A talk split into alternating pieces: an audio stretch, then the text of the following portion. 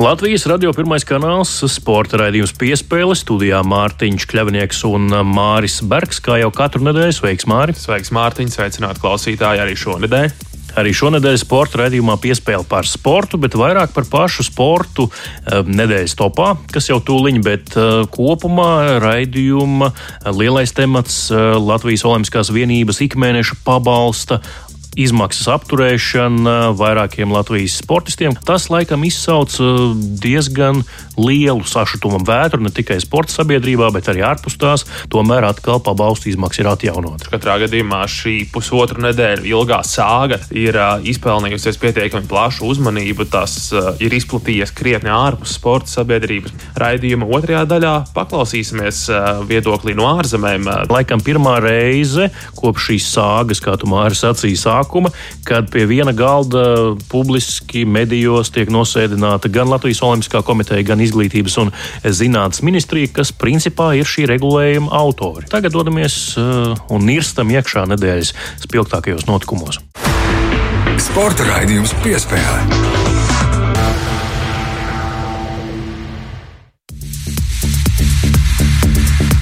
Svētdiena, Latvijas radio pirmais kanāls, sporta raidījums piespēle studijā Mārtiņš Kļavnieks un Mārs Bergs un nedēļas spilgtāko notikumu topa pirmā vieta atvēlama čempioniem. Zelta medaļas pasaules čempionātā ratiņa kērlingā jauktajiem pāriem, konkrēti šajā disciplīnā Latvijai.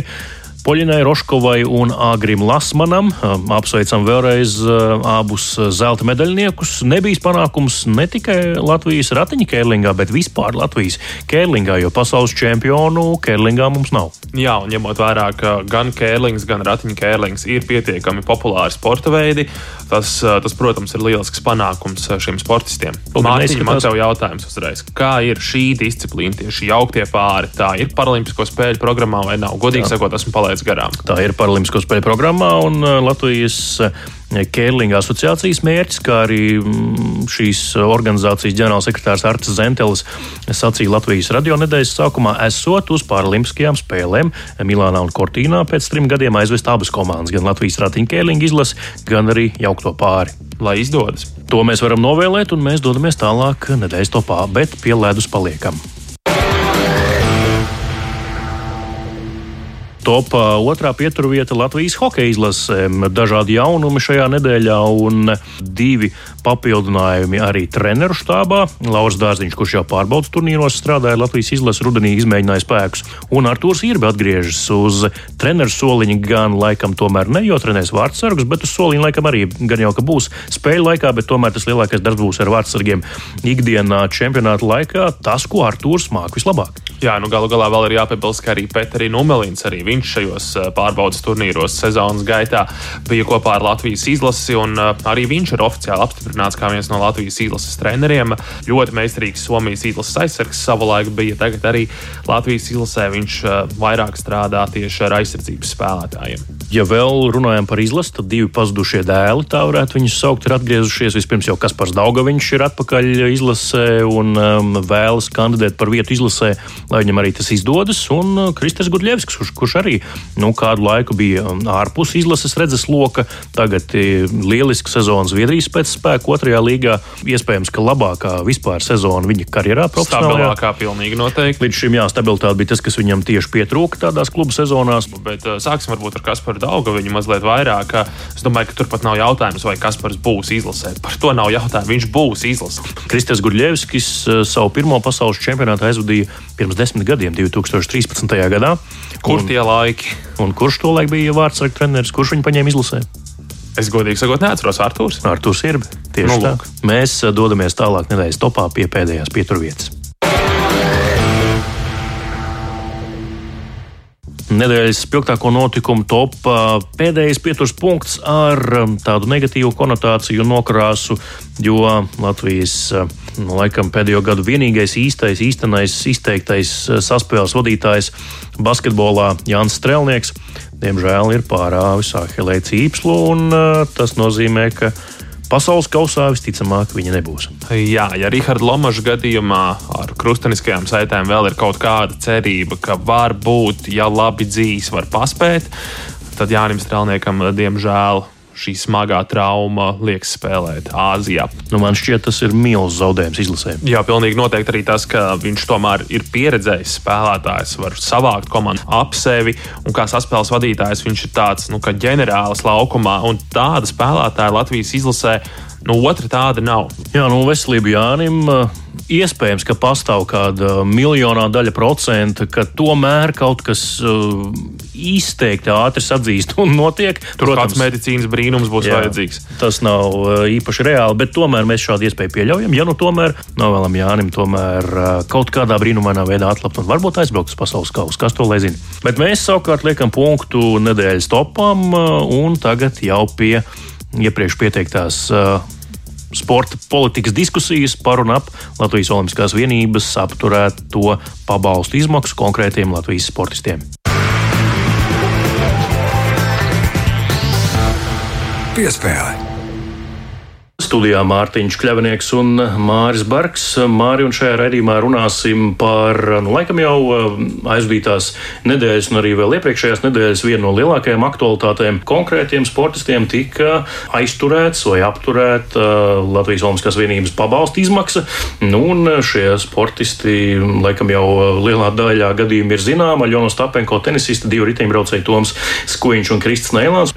Lai par to visu runātu, mums šeit, kā saka, ir pilna studija studiju viesu. Sāksim uh, ar sporta pārstāvjiem. Latvijas Riteņbraukšanas federācijas ģenerālsekretārs Toms Marks ieradies pie mums. Sveiki, labdien! Tāpat mums šodien ir arī sporta žurnālists, aģentūras leita sporta žurnālists Kristaps Ploms. Sveiks! Labdien. Sporta politikas pusi pārstāv Latvijas uh, Olimpiskās komitejas juridiskā dienesta vadītājs Raits Kēselis. Sveiks, Raiti! Labdien! Un izglītības un zinātnes ministriju tās parlamentārais sekretārs Kārlis Strautiņš. Sveiki, Kārli! Labdien. Jautājums, uz ko dažādās intervijās nespēja atbildēt ministre Anna Čakša no jaunās vienotības, kuram tad pieder, kuram cilvēkam vai organizācijai pieder šī ideja apturēt finansējumu un tieši šādā veidā varbūt uh, organizēt uh, nu, šo te, varbūt, nu, nezinu, to nevar laikam saukt par pāraudzināšanu, bet spērt šādu soli apturēt šo finansējumu. Vai vispār ministrijā lokā ir zināms, kuram tā ideja uzšķīlās par šādu risinājumu? Es teiktu, ka uh, sāksim ar labo ziņu. Labā ziņa ir tā, ka situācija ir atrisināta. Protams, viennozīmīgi. Kur šī situācija radās? Viņa radās faktiski nu, no neskaidra, neprecīza līguma formulējuma, kurā es teiktu, cilvēku faktors, tad, tad nu, mēs katrs mēdzam saprast dažas lietas dažādi, ja nav precīzi uzrakstīts. Līgums tika nointerpretēts šādi. Mēs sadzirdējām, cik būtiski ir sportistiem šiem konkrētiem sportistiem turpināt piedalīties komerces sacensībās, kas ļauj krāt eh, šos individuālos punktus, lai varētu arī kvalificēties Olimpijādē. Noskaidrojam, kas ir tie punkti, kas ir jāmaina, tas arī tika izdarīts. Bet jautājums, kāpēc to neviens nepamanīja uzreiz, un kāpēc tas netika apturēts pirms viss vispār aizgāja tik tālu? Mēs vēl salīdzinoši nesen, faktiski nu, pirmos divus mēnešus, diezgan droši, un vēl nedaudz nu, arī šobrīd varētu sacīt, strādājam eh, tehniskā budžeta situācijā. Latvijas Olimpiskā komiteja, tāpat kā acīm redzot, visas citas no valsts budžeta finansētas iestādes, tādā apmērā, kādā apmērā mūsu programmas tiek no valsts budžeta finansētas, saņem finansējumu kalendāriem gadam. 23. gada sākumā nesot nekādam pārējošiem atlikumam, vēl līdz 14. februārim nebija parakstīts sadarbības līgums par šī finansējuma piešķiršanu. Tātad faktiski mēs bijām diezgan nopietna finansiāla stresa apstākļos. Šis valsts budžeta finansējums no 9,21 apakšprogramma augstas klases sasniegums sports tiek piešķirts, ja tā to varētu sacīt, vienā gabalā. Zem šīs apakšprogrammas apakšā ir pilnīgi viss. Latvijas Olimpiskās komitejas programmas, Eh, Olimpiešu sociālā fonda pabalsti, kas ir jāizmaksā, eh, Latvijas Olimpiskās vienības finansējums, kur arī nav nekāda pārējoša atlikuma, un tā skaitā arī šie sportistu pabalsti. Kaut kādas iespējas eh, veikt paplašinātu diskusiju par atsevišķu līguma punktu interpretāciju mūsu rīcībā faktiski vairs nebija. Mums bija jāveic visas nepieciešamās darbības, lai sporta veterāni nepaliktu visi bez pabalstiem. Jā? Vai teiksim, visi sportisti varētu saņemt savus pabalstus. Tikko kā tika parakstīts šis līgums, kā nu, faktiski kungi piesprādzējieties, jā, būs neliela turbulence. Pirmajā mirklī un uzreiz informējām, kā mēs strādājam pie tā, lai risinājums atsevišķām problēmām, kuras mēs jau faktiski redzam, eh, tiktu saprātīgā termiņā sasniegts. To mēs arī esam izdarījuši, tas ir panākts. Eh, tās problēmas, kuras sākotnēji bija, ir atrisinātas, mēs varam tikai atvainoties par to, ka sportistiem šī turbulence ir bijusi jāpiedzīvo, taču, nu, atvainojiet, tāda ir dzīve. Tātad tehniskais budžets, maz laika, jums bija par maz laika, lai pārlasīt šo līgumu, lai saprastu, ko tas nozīmē reālajā dzīvē? Drīzāk, drīzāk par maz laika diskusijai par to, lai kādu no šiem līguma punktiem precizētu tādā formātā, kā tas ir izdarīts šobrīd. Kura puse ieviesa šo līguma punktu par dalību sacensībās kopā ar Krieviem un Baltkrieviem? Kad tas tika ieviests, kurš to ieviesa? Jā, nu, te arī kolēģis Kārlis jau pareizi sacīja, cilvēciskais faktors. Es šādā gadījumā saku, ka latviešu valoda ir ļoti bagāta. Ja ir vēlme kaut ko pateikt, tad ir jāizmanto iespējami daudz vārdu. Tad cilvēki varbūt tiešām izlasīs to, kas ir rakstīts. Jo, nu, atvainojiet, ja saka, ka ir uh, uz globus jāizvieto pūce, tad viņi tur gan var apsēdināt, gan mēģināt uzvilkt. Un uh, mūsu, mūsu gadījumā ir gadījies tā, ka acīm redzot, šeit pūce ir nodarīts visai gauži.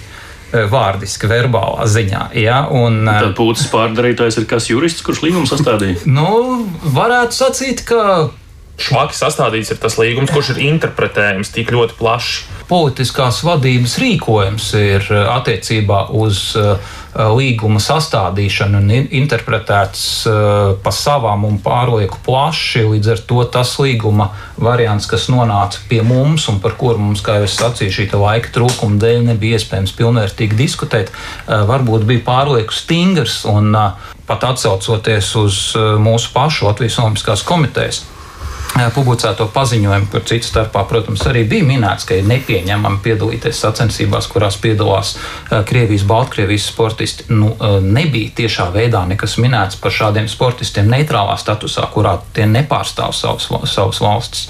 Valodnieciski jautājumi, interpretācija, pārlieka centība līdz pārcentības robežai un nepietiekami daudz laika abām pusēm jēgpilni par šo izdiskutēt rezultāts ir panākts. Protams, būtu krietni labāk, ja mēs par šo visu būtu varējuši diskutēt decembrī. Bet kāpēc jūs tad nesākāt tiešām janvārī diskutēt, labi, budžets tiks pieņemts, tad ir skaidrs, ka nauda tur būs jāsadala, bet kāpēc par līguma nosacījumiem jūs nediskutējāt jau saulēcīgi? Atkal, kā jau sacīju, mēs līgumu saņemam tad, kad mēs saņemam. Līguma sastādītājs ir Izglītības un zinātnes ministrija. E, tur mēs nekā nevaram mainīt, mums šis pienākums netiek uzticēts. E, tajā brīdī, kad mēs to saņēmām, mums faktiski bija izvēle parakstīt un cerēt, ka mēs saņemsim finansējumu pietiekami ātri, lai atrisinātu visas šīs vajadzības, ko es uzskaitīju, vai eh, sākt garo diskusiju, kuras ietvaros līgums nav parakstīts, eh, finansējuma nav, problēmas rodas pilnīgi visiem sportistiem un sporta veterāniem, kas tādā veidā vai citādi ir no lokā atkarīgi. Bet mēs varbūt nonākam pie uh, normālas līguma versijas aptuveni ap šo pašu laiku. Viena vērtīga atbildes lūks atdzirdēt, tātad IZMs ir līguma sastādītājs, uh, tātad jūs juristi kļūdījās. Es nevaru teikt, ka kļūdījās. Kolēģis jau minēja, Pārcentās. Redziet, juristiem jau tāpēc ir darbs, ka kurš līgums ir, ir uh, savā veidā skaidrojams. Un man liekas, ka nav vēl tik universāla līguma, kur neatrast kāds jurists, kā interpretēt pa savam. Sākotnējais iemesls bija nepieļaut Krievijai sportu izmantot kā savu propagandas mašinēriju.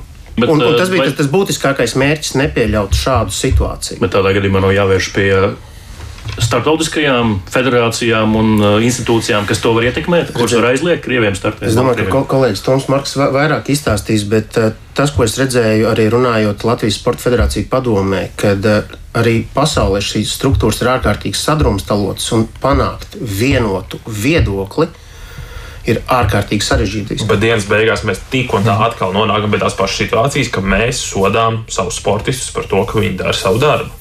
Pirmkārt, nesodām, otrkārt, divas nedēļas ir sportistiem bijušas zināmas grūtības un sarežģījumi. Treškārt, pilnīgi noteikti atbalstām sportistu šī brīža nu, diezgan plaši paaugstot pilsonisko nostāju. Mēs ar mūsu puišiem un meitenēm lepojamies, bet uh, tas, kādā veidā šobrīd eh, mēģinam pasniegt šo situāciju, tā nekādā gadījumā nav sodīšana. Ja, tas ir eh, tehniska problēma, kas ir novērsta. Eh, emocionāli šie momenti ir bijuši pat ļoti nepatīkami, novērsts, mācāmies. situācija nav tāda, kas atkārtotos no gada uz gadu vai reizi mēnesī. Mēs tāpat ar to strādājam un tai mēģinām pielāgoties.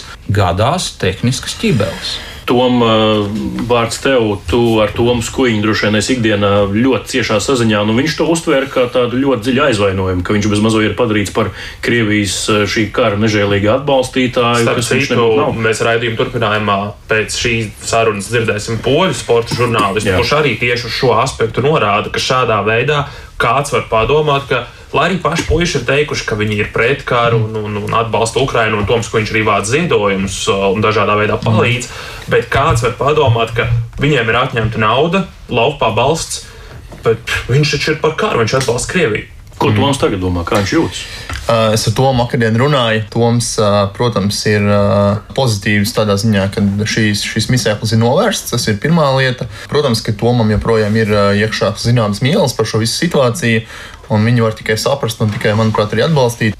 Iesaldējums stājās spēkā, protams, viņš bija ļoti sašuts, jo tik tiešām runa nebija par šiem pārsimt eiro, kas, būsim godīgi, viņa gadījumā nu, nav izšķiroši svarīgi, jo viņš ir labā komandā, Amerikas komandā, un, bet vairāk tik tiešām tas sajūtās, un es viņu arī varu savā ziņā saprast. Viņš sajūtās arī nu, kā tāds, Raits saka, varbūt tā nav sodīšana, bet vismaz viņa emocionālajā līmenī viņš sajūtās, ka viņš tiek nostādīts uh, savādākā situācijā nekā, nekā viņš būtu pelnījis. Būt. Tā savādāka situācija ir tieši tā, ka uh, viņš sajūtās uh, bez mazliet nolikts otrā pusē. Es ar to arī runāju. Jā. Nu, nākamajā dienā jau sazinājos, kad šis um, publiskais paziņojums tika izplatīts, ka šis pabalsts ir iesaldēts. Un, nu, viņš tā arī teica, bet nu, riteņbraukšanā taču līdz pat gandrīz sacensību dienai nav zināms, kurš no katras komandas izies uz startu. Tāpēc start. es nevaru tagad, nu, dažas stundas pirms starta pateikt, treneris nevaru, tur Krievs un Baltkrievs pieteikt. Mm. Tieši to pašu arī Kristis Nēlants izteica. Es arī ar Jā. viņu tajā pašā dienā, kad runāju ar to, es sazvanījos ar Kristu, un viņš arī. Es vienkārši izstāstīju no tādas praktiskās puses, nu, teiksim, ir nu, kaut kāda Tour de France paņemsim kā lielāko, varbūt tādu profesionālo notikumu riteņbraukšanā. Tu aizbrauc tik tiešām uz, uh, ir komandas publicē savus sastāvus. Viens uh, riteņbraucējs gūst kaut kādu mikrotraumu. Komandām jābūt, ir, tas ir trīs nedēļas garas sacensības, tur jābūt visiem ir maksimāli labākajā formā. Un, jā, viens ir notraumējies un ielika to krievu vai to baltkrievu iekšā. Nu, un to aizbrauc skuiņš, viņš gatavojas visu sezonu, tas viņa galvenais mērķis, viņa pamatu uzdevums. Viņš aizbrauc un redz, jā, tas krievs. Nu, viņš var pateikt, ok, komandai es nepiedalos, komanda viņam pasaka paldies par tavu sadarbību. Mēs, um, līdz ar to viņam zūd šis kontrakts, līdz ar to ir uh, vesela ķēdīte pēc tam problēmas. Un tādā veidā ir tika iznīcināta sportista karjera. Dosim arī Kristapam vāru tagad izteikties, ko tu esi līdz šim dzirdējis un ko tu vispār par visu šo situāciju pusotras nedēļas garumā domā. To, man, šķiet, man, man, man šķiet, ka šī ir ļoti nu, smaga komunikācijas problēma. Komunikācijas starp izglītības zinātnes ministriju, loku federācijām un sportistiem. Tur noteikti varēja labāk kaut vai noskaidrot no tā paša Tomas Kuņa, Krista Nelanda tiešām tos apstākļus, kādos viņi var pateikt, nē, mēs neiziesim uz starta, tāpēc, ka tur ir Krievi vai Baltkrievi. Es domāju, ka tur bija jāsāk arī tieši ar to galu, ar sporti, sportista pusi, noskaidrot tās nianses sporta veidam un attiecīgi uz tā bāzes veidot to līgumu par finansējumu. Izēms, kā uzskata, ir tāda komunikācijas kļūda notikusi vai nepilnība. Es domāju, ka, liekas, ka kolēģis no Loka ļoti precīzi salika tos akcentus, kuros parādījās gan laiks, gan cilvēku faktors un virkni nu, apstākļu kopsakars bija tas, kas noved pie šīs situācijas. Un tas, ko mēs varam darīt, visi ir uh, gūt no tā skolu, jeb mācību. Saprotot, ka ir jākomunicē efektīvāk, kā kolēģis saka, un, un tikai sarunās mēs varam nonākt pie laba, efektīva rezultāta. Februāra sākums Latvijas televīzijas raidījums, kas notiek Latvijā. Jānis Dombors vada studijā gan Latvijas Olimpiskās komitejas vadību ar Žoržu Tikmēru kā ar Lēnieku, tāpat arī Anna Čakša no IZM. Un Anna Čakša izsaka tad šo frāzi: nevajadzētu atļaut Latvijas sportistiem startēt vienās sacensībās ar Krieviem un Baltkrieviem.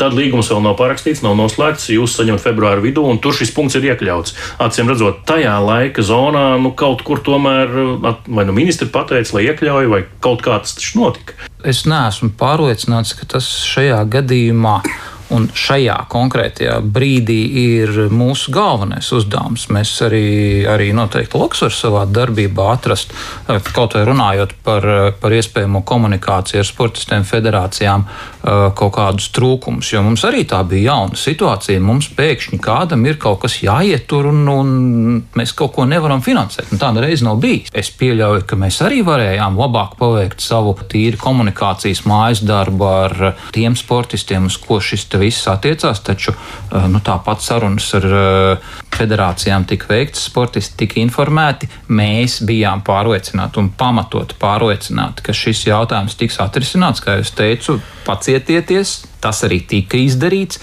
taču, protams, ka tas starplaiks ir bijis eh, nepatīkams un kaut kādu tādu Uh, nosēdumu viņi ir atstājuši. Nu, tā teikt, karotītes ir atradušās, jā, bet, bet nu, tas, tas sirsniņās rūkums palicis. Kontakts ar izglītības zinātnes ministriju šobrīd, manuprāt, ir ļoti labs. Varbūt tieši pateicoties tam, ka tas ir bijis šīs situācijas ietvaros īpaši jāaktivizē. Kas tad ir tās lietas, kas šajā līgumā ir mainītas, kas ir tie punkti, kas ir grozīti, lai sportists atkal var tikt pie sava pabalsta? Tā tad būtiskais moments, kas uh, bija tā teikt, ekspresas verbas iekļauts iepriekšējā līguma redakcijā un šobrīd ir pārformulēts, ir attieksme pret eh, sacensībām, kurās piedalās eh, neitrālā statusā esoši Krievijas, Baltkrievijas sportisti. Ja, Tātad bez karoga, bez himnas, bez formas, bez nekā, vienkārši vārds uzvārds šāda dalība sacensībās, kurās šie neitrālie sportisti piedalās, Latvijas sportistiem vairs nekādas negatīvas sekas neizsauc. Tātad tas Iep... punkts ir izņemts ārā vai vienkārši pārfrāzēts? Viņš ir pārfrāzēts, jo gadījumā, ja e, mēs runājam par sacensībām, kurās piedalītos Krievijas vai Baltkrievijas sportisti, kas pārstāv savu valsti, mēs vēl joprojām uzskatām, ka dalību šādās sacensībās Latvijas valsts nevar finansēt. Mums katram savos ietvaros ir jāstrādā maksimāli ar mūsu tā saucamajām nu, mātes organizācijām.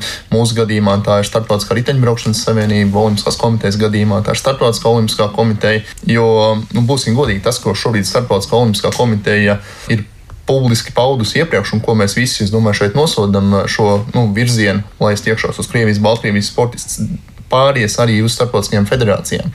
Paukošanas gadījums ir pirmais. Nevajadzētu izvēlēties tā saucamo vieglāko ceļu, respektīvi savu sportistu. Nu, kaut kādā veidā šāds šis regulējums nebija pareizais bet mums ir jākoncentrē spēki uz lielākām lietām.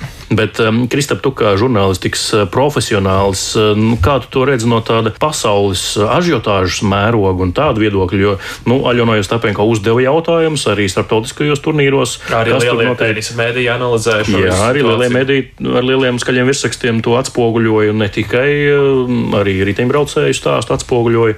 Kā tu to saredzi un vērtē? Tas izskatās, izklausās ļoti nesmuki no malas katrā gadījumā šī attieksme. Jo tas, jo, jo jāsaprot, nu, ka tā nauda tas, tas nav viņiem nec, nec kaut kāds tur īpašs palīgs viņa ikdienas gaidās. Tas ir, kā jau es minēju, tas ir komunikācijas līdzeklis starp valsti un sportistu. Un vienā brīdī, nu, kad tu norauj šo komunikācijas līdzekli, tad, tad sportists, acīm redzot, jūtās, jūtās tā, nu, kas ir, nu, es, es vairs nepiedaru šīs valsts vērtībām, es vairs viņus nepārstāvu, ja vai es, es vairs neesmu, neesmu vajadzīgs vajadzīgs. Un, un, un, un, un no ārpuses tas noteikti izskatās tā, ka uh, valsts uh, saviem sportistiem, kā saka, uzliek tādu zīmogu. Jūs, tur, jūs tagad startējat kopā Krievijas un Baltkrievijas uh, riteņbraucējiem, tenisistiem. Jūs, jūs esat tie sliktie. Nevis federācija, nevis UCI, nevis VTA ir tie sliktie, bet jūs esat tie sliktie, ka, ka jūs tā dariet. Varbūt tev arī kāds jautājums studijas viesiem. Jā, nu jautājums ir par šīm te, jau iepriekš minētajām koalīcijām. Cik šādām te valstu koalīcijām ir iespējas izdarīt kaut kādus eh, spiedienus uz starptautiskajām federācijām, uz organizācijām, uz UCI, VTA, to pašu Nacionālo hokeju līgu? Ja jūs tur ļausiet krieviem startēt, mēs darīsim to un to. Tad, tad mēs aktīvi darbojamies Ziemeļvalstu riteņbraukšanas asociācijā, kur kopā ir astoņas valsts. Mēs esam jau no paša, paša kara sākuma pirms gada, tieši martā, bija kongress Eiropas Rītdienas Savienības, kur tieši mēs pieprasījām, lai tiktu atstādināts visas Krievijas komandas, kas bija reģistrētas, kas vēl to brīdi brauc, lai tiktu atstādināts visas Krievijas, Baltkrievijas izlases no jebkādiem izlašu pasākumiem. Tas, ko neizdevās tajā pirmajā piegājienā atrisināt, protams, ir šos te divu Krievijas vienu Baltkrievijas sportistu, un arī citu vēl, kas ir mazākā UCI līmeņa komandas sportistu, attiecīgi atsaukšana no komandām, jo viņiem bija spēkā esoši līgumi. Attiecīgi. Tas īpatsvars, lai vienkāršāk saprastu, starp 1200 profesionāliem sportistiem, tad šobrīd ir divi Krievijas un viens Baltkrievijas atlētājs. Līdz ar to par tādu ietekmi un pie tam arī šie sportisti, vismaz Baltkrievijas sportisti, ir izteicis vēlēšanos kārtot Latvijas pilsonību. Viņiem ir tāda vēlme, tas būs varbūt arī vēl cit, citam stāstam. Ministrijai droši vien arī Kristap, jautājums. Jā, jā, tieši tā, cik Latvijas valsts, kā, kā, nezinu, kā organizācija, varbūt, varbūt izglītības zinātnes ministrija, varbūt nav īsta organizācija, kur uzdot to jautājumu. Bet ko Latvijas valsts var iesākt pret šīm organizācijām, kas ir nu, daudz miljonu organizācijas, piemēram, VTA, tas ir budžets 60 miljoni, tā ir milzīgi, milzīgi spēcīga organizācija. Tas, ko mēs arī darām darām. Tā ir tikšanās ar šīm organizācijām. Tajās situācijās, kur mums ir tiešām sportisti ar augstu līmeņa sasniegumiem, viņi pateikt, mēs nestartēsim, un tas mazina sacensību kopējo svaru. Iespējams, ir izdarīt vieglāk. Pārējās situācijās droši vien, kad ir atkal individuāli, tas ir darbs ar runāšanu, pārliecināšanu, rādīšanu, skaidrošanu vēl gadus, 3, 4, 5 atpakaļ. Arī kopējais Eiropas nostāja, kad Latvija runāja no savas drošības viedokļa par riskiem, kādas sagādā Krievija, esot kā kaimiņu valsts ar savu uzvedību. Tālākas Eiropas valstis To uztver kā histēriju. Uz, uzskatīja, ka, ka mēs te cepamies par Jā. ko. Nu, nav jau tik traki. Krievija tomēr mums ir reku piegādāt to šo. Mēs esam uzticēli sadarbības partneri. Ko jūs tur cepaties? Taču pienāca pagājušā gada februāris, mēs redzam, ka ir pilnīgi cita realitāte. Šī situācija ir tikai šobrīd runājot, skaidrot, radot piemērus un mēģinot mainīt viņu paradigmas. Tas ir vienīgais, ko mēs varam izdarīt. Jā, šajā jautājumā vēl ASV Olimpiskā komiteja šonadēļ ir izteikusies. Arī Olimpiskās komitejas vadītājs Amerikā ir izteicies, ka principiāli amerikāņi neiebilst pret krieviem un baltkrieviem Parīzē, bet ar nosacījumu, ka ir ļoti stingri definēti kritēriji neutralitātei un veidi, kā tos pārbaudīt un kā tos ievērot un izpildīt beig beigās. Kādi tad varētu būt šie neutralitātes kritēriji, ja gadījumā Krievus un Baltkrievus kā neitrālos atlētus pielaiž šīm sacensībām. Jo es cik neoficiāli esmu runājis ar uh, Olimpiskās komitejas vadību, tā ir atzinusi, ka ja zem šī bēgļu komandas statusa, tad uh, jā, to varētu pieļaut, bet nekādā citādā statusā pieļauju, ka diezgan līdzīgs varētu būt šobrīd arī uh, Kanādas Olimpiskās komitejas viedoklis. Tāpat laikā uh, Lielbritānija, kas ir otrs tāds uh, lielais, varētu teikt, viedokļu centrs Eiropā, uh, varētu būt krietni kritiskāki pret šo jautājumu. Ko saka Austrālija? Tomēr arī kā viena no nākamajiem rīkotājiem, tāpat Ķīna, Japāna arī ietekmīgas valstis. Par Ķīnu es domāju, ka mums īpaši diskusijas šeit nebūs. Tas, tas, tas, ir cits, jā, tas ir cits jautājums arī par atsevišķu produktu piegādēm un visādi citādi. Taču, ja atgriežamies pie Latvijas Olimpiskās komitejas viedokļa, tad jā, šāda iespēja jau eksistē. Starptautiskajai Olimpiskajai komitejai Eh, viņas pāraudzībā ir tā saucamā bēgļu komanda personām, kuras eh, dzimtenē saskarās ar uh, situāciju, kas liedz viņām piedalīties Olimpiskajās spēlēs. Tāpat laikā mēs arī diskusijas ietvaros ar Startautisko olimpisko komiteju esam minējuši atsevišķus apstākļus, ļoti viņus sarūktinot, protams, kas mūsuprāt varētu kalpot par uh, pārliecinošiem argumentiem, ka šie sportisti, kas piedalās sacensībās, patiešām ir neitrāli. Un viens no tiem ir atklāts, nepārprotams, ieteicams rakstisks Krievijas federācijas noziedzīgā kara Ukrainā nosodījums. Tātad darbība, kas Krievijas federācijā ir krimināli sodāma. Nu, tas, tas nav sarežģīts jautājums, ja to tiešām vēlas atrisināt. Tom tas varētu būt risinājums. Manuprāt, jā, jo manā ieskatā tas, ko es gribēju piebilst, kad uh, startēšana, zem, kā citreiz tiek traktēta zem tā saucamiem baltiem karogiem, ir absolūti nepareiza pieeja. Jo startēšana uh, tik tiešām manā ieskatā vienīgā ir zem uh, šī bēgļu statusā, bet ar noteikumu, protams, ka tur ir attiecīgi, ka tik tiešām šie sportisti, kas ir tur, viņi pilnībā skaidri nodefinē, ka viņi ir pret to, ko dara viņu, viņu dzimtā valsts. Ir kaut kas nu, viena tāda piebilde, ko jau mm. Dāvis Ernsts teica Latvijas televīzijā, kolēģis minēja šo, šo, šo piezīmi par to klusumu, kas sekoja no pārējās Latvijas tieši sporta sabiedrības pēc šī izmu loka soļa ieturēt, ieturēt šo pabalstu. Nu, tomēr šķita, ka vajadzēja kādam uztriekt dūri galdā un pateikt, nu, tas galīgi nav pareizi. Nu, bija Loka atlētu komisijas vadītāja skaidri diezgan un argumentēti savu viedokli pateica, kāpēc tā nedrīkstēja darīt. Bet nu, visur citur bija klusums. Komisijas vadītāja, kuras uh, loceklis ir Toms Skuļs. Jā. Jā, paldies, teikšu, kungi, par šo sarunu. Paldies, ka atnācāt. Um, radio klausītājiem mums ar Māru gan ir jāizstāsta, ka ļoti, ļoti vēlējāmies, lai šeit būtu pārstāvēta arī Latvijas tenisa savienība, bet, nu, diemžēl, Māra laikam atkal komunikācija, ja kaut kā tā, vai komunikācijas problēma. Nezinu, kā Mārtiņa, un to mēs arī varam klausītājiem pastāstīt, ka parasti, ja kāds nevēlas par kaut ko runāt ar tevi, tad neatbildēs uz saviem zvaniem. Bet, ja regulāri paceļ un sola atnākt, un atbildēt vismaz uz jā vai nē, būšu vai nebūšu, bet beig beigās neatbild, nu, tad sanāk diezgan muļķīgi. Jā. Šoreiz, diemžēl, bez Latvijas tenisa savienības, kur arī lielā mērā bija iesaistīta šajā jautājumā, bet nu, viņu pozīciju nevarējām uzzināt. Bet paldies Latvijas riteņbraukšanas federācijai, to Marks, ģenerālsekretāra personā, tāpat arī Izglītības un zinātnes ministrijas parlamentārajam sekretāram Kārlim Strautiņam, Latvijas Olimpiskās komitejas juridiskā dienesta vadītājam Raitim Keselim un Nacionālās informācijas aģentūras Leta sporta žurnālistam. Kristapam Plaumam. Paldies, kungi, un līdz kādai citai reizei.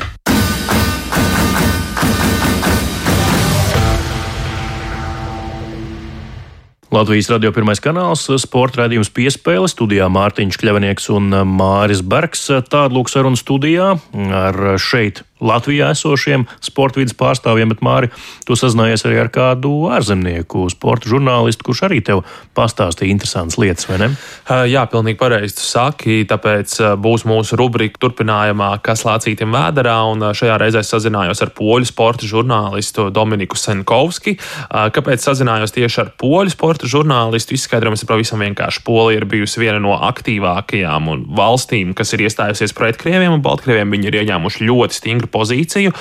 Polija atbalsta Ukrainu militāri, politiski un arī sporta pasaulē. Polija bija viena no valstīm, kas pamanīja šo stāstu par sporta finansējumu apturēšanu. Tas izplatījās daudz kur ārzemēs, arī lielie tenisa mediji par to runāja, piemēram, Tennis Channel, arī viens no lielākajiem tenisa medijiem pasaulē. Kāds tad ir skats no malas? Klausāmies Dominiku Senkovski.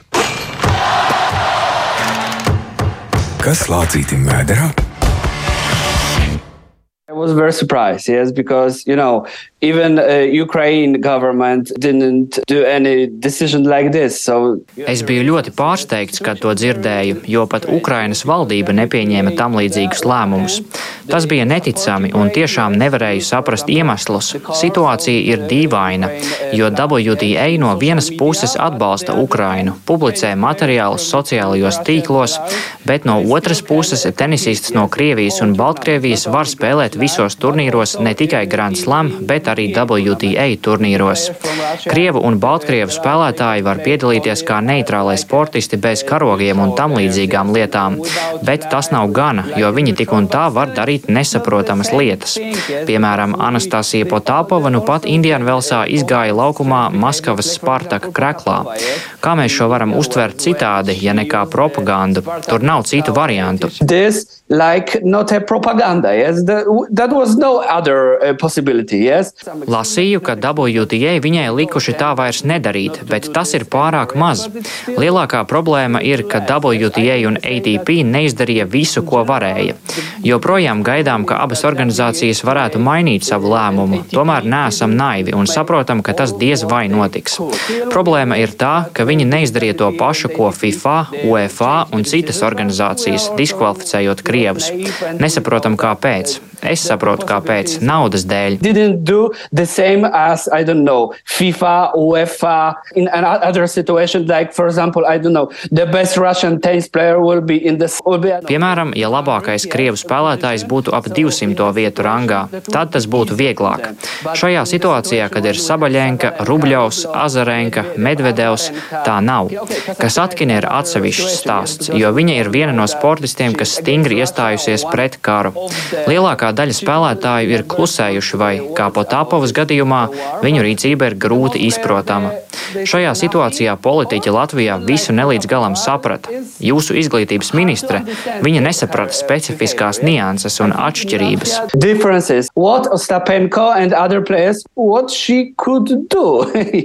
Tomēr, ko gan varēja iesākt Ostapenko un citi sportisti? Viņiem nav nekādu alternatīvu. Viņa varētu iziet cauri visiem visiem turnīriem un spēlētāju sarakstiem, ieraudzīt, ka tur nav krievu un nodomāt, labi, te var spēlēt, bet tas būtu kāds mazs ITF turnīrs Palermo vai kas tāds, nevis pasaules lielākie tenisa turnīri kā Indiana Velsa vai Miami. Šis viss var radīt nepareizu iespaidu Latvijas iedzīvotājiem, jo cilvēki var nesaprast iemeslus šādam Ostapenko sodam. Cilvēki var padomāt, ka Ostapenko varbūt atbalsta karu. Tas ir diezgan vienkārši. Viņa tika sodīta, tā tad atbalsta karu, lai gan tās ir pilnīgas muļķības. Un atceramies, ka viņa spēlē dubultspēles kopā ar ukrainieti Kičenoku. She had a punishment, so maybe the, she was pro-war. And the other Polish media also took up this uh, topic of your government's decision. Arī citi poļu mediji pamanīja šo tematu, un cilvēki Polijā kopumā bija pārsteigti.